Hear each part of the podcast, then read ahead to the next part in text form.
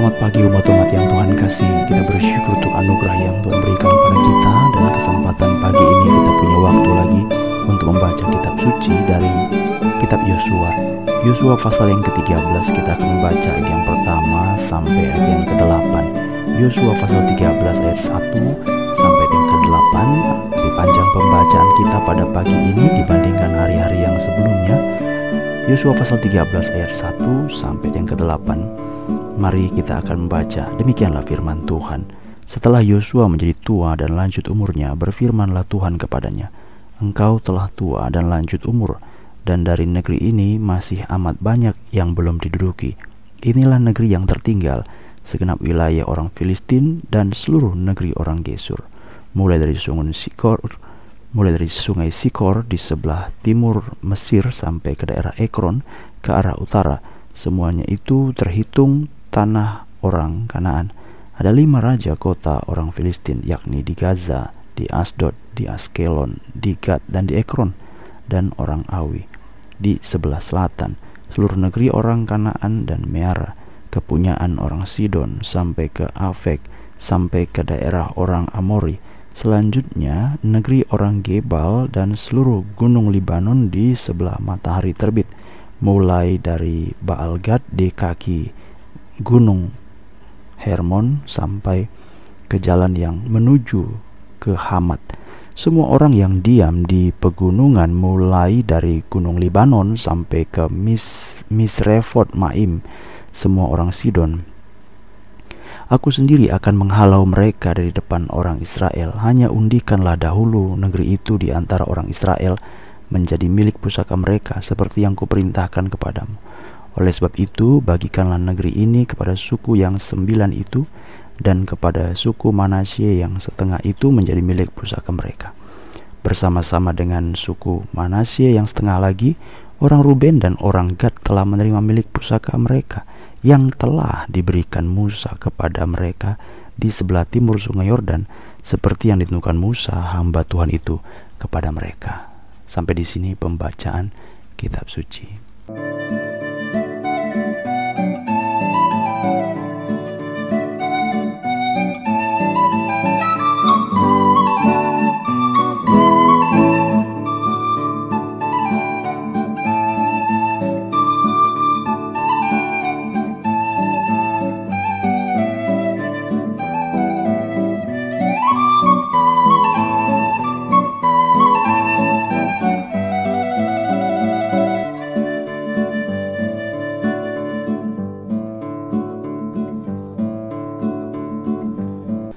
Umat-umat yang Tuhan kasihi, pada waktu kita membaca bagian ini, maka kita akan bertemu dengan keadaan di mana Yosua dihampiri oleh firman Tuhan dan ini adalah bagian yang menunjukkan lagi sampai sejauh mana orang Israel telah menduduki atau telah ada di tanah perjanjian.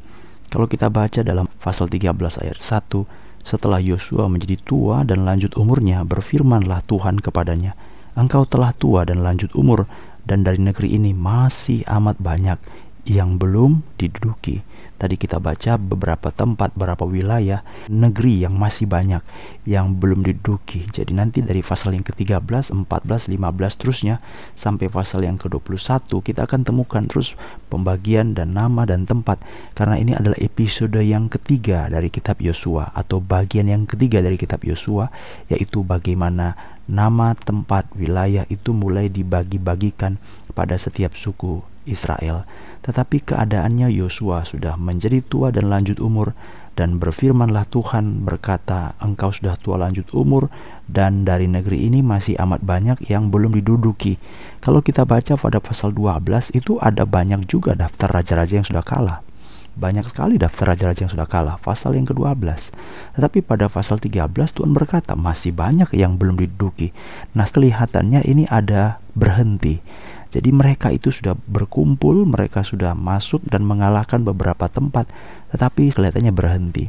Yosua sudah tua, jadi bagaimana kelanjutannya? Dan kalau kita baca, saudara-saudara, pada pasal yang ke-14 kita juga akan bertemu dengan seorang yang bernama Kaleb. Kaleb itu berkata dalam pasal 14 ayat yang ke-10, Sesungguhnya Tuhan Allah memelihara hidupku seperti yang dijanjikannya. Kini sudah 45 tahun lamanya sejak diucapkan Tuhan firman itu kepada Musa dan selama itu orang Israel mengembara di padang gurun. Jadi sekarang aku telah berumur 85 tahun hari ini. Pada waktu ini aku masih sama kuat seperti waktu aku disuruh Musa. Seperti kekuatanku pada waktu itu, demikianlah kekuatanku sekarang, umur 85 tahun loh, untuk berperang dan untuk keluar masuk.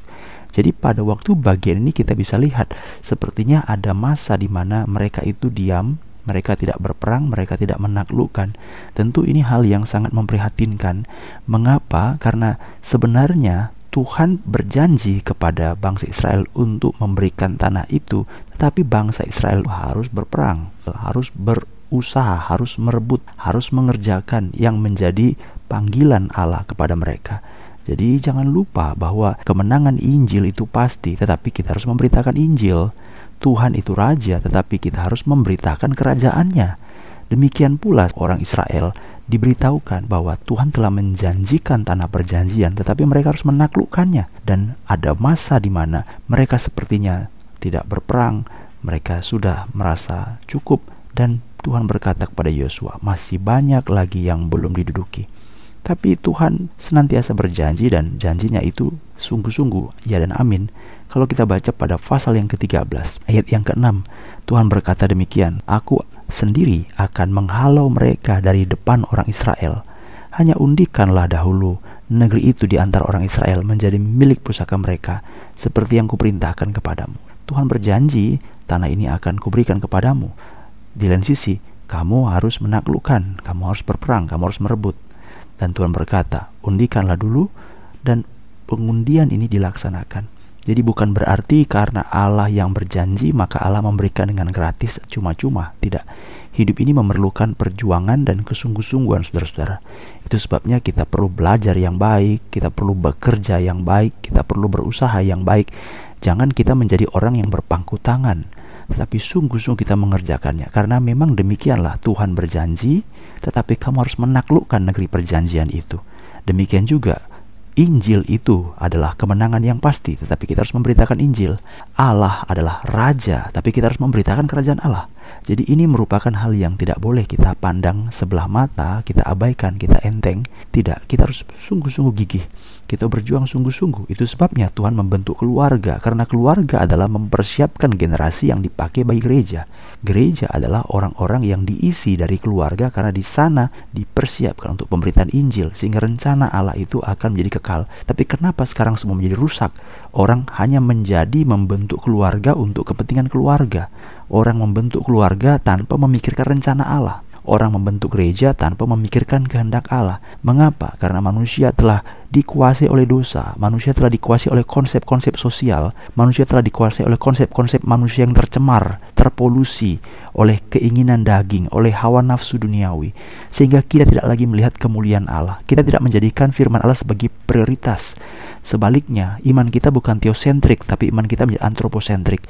Bukan Allah sebagai pusat, tapi manusia sebagai pusat. Itu sebabnya setiap orang datang ke baktian, setiap orang datang gereja, tugasnya ngapain? Minta bantu doa. Minta bantu doa apa? Jadi tugas hamba Tuhan itu hanya berdoa, berdoa supaya ini, berdoa supaya itu, berdoa supaya si Anu begini, si Anu begitu, berdoa supaya dia begini, dia begitu. Jadi pusatnya itu sebenarnya supaya Tuhan memenuhi kebutuhan dan mencapai cita-cita daripada manusia. Nah, inilah hal-hal yang keliru dan kalau kita baca pada pasal yang ke-13, maka segala sesuatu itu mulai terjadi yaitu tidak sesungguh-sungguhnya mereka menjalankan apa yang diperintahkan Tuhan. Jadi secara bertahap kita akan memikirkan sebenarnya pasal yang ke-13 adalah sesuatu kenyataan yang declining semakin menurun.